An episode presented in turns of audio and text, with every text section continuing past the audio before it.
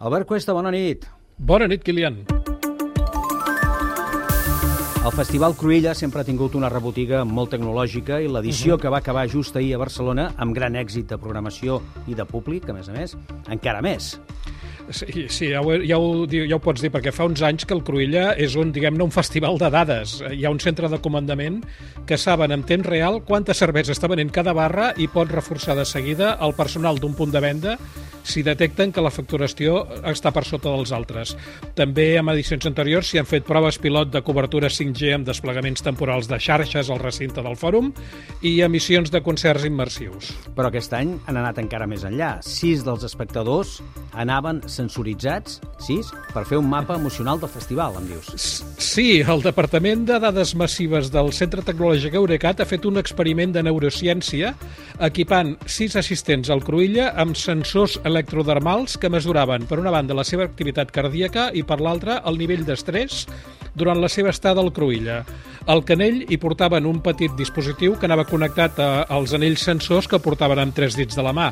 I en això eh, han anat enregistrant la resposta del sistema nerviós segons el moment i el lloc del recinte on eren, per dir-ho fàcil, si s'emocionaven més o menys veient i escoltant un artista determinat.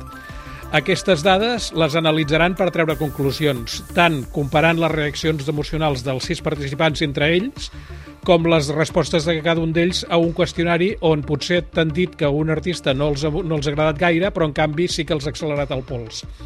Els responsables d'Eurecat destaquen que aquesta mena d'experiments ja s'estan fent amb cinemes i amb sales de concerts, però sempre són estàtics. En canvi, el del Cruïlla té la gràcia que és dinàmic perquè els subjectes, evidentment, es desplacen d'un escenari a l'altre. Els aparells que han fet servir ara són de tipus professional, però de cara al futur no descarten ampliar l'abast amb rellotges i pulseres connectades de consum, com un Fitbit o un Apple Watch, que de fet diuen que ja proporcionen dades prou fiables.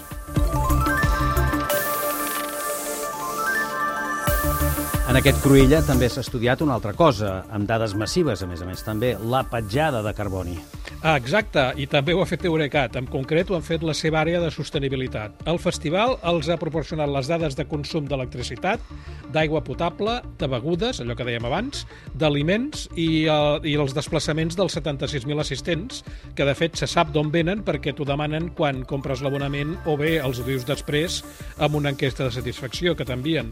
I amb tot això, el Centre Tecnològic avaluarà i certificarà quina ha sigut la petjada total de carboni del Cruïlla 2023 i proposarà millores de cara a l'edició 2024. Per exemple, s'estima que aquest any, fent servir energia 100% renovable, que era d'Endesa, amb comptes dels habituals grups electrògens de gasoli que hi ha en molts altres festivals, han evitat emetre 36 tones de CO2 a l'atmosfera.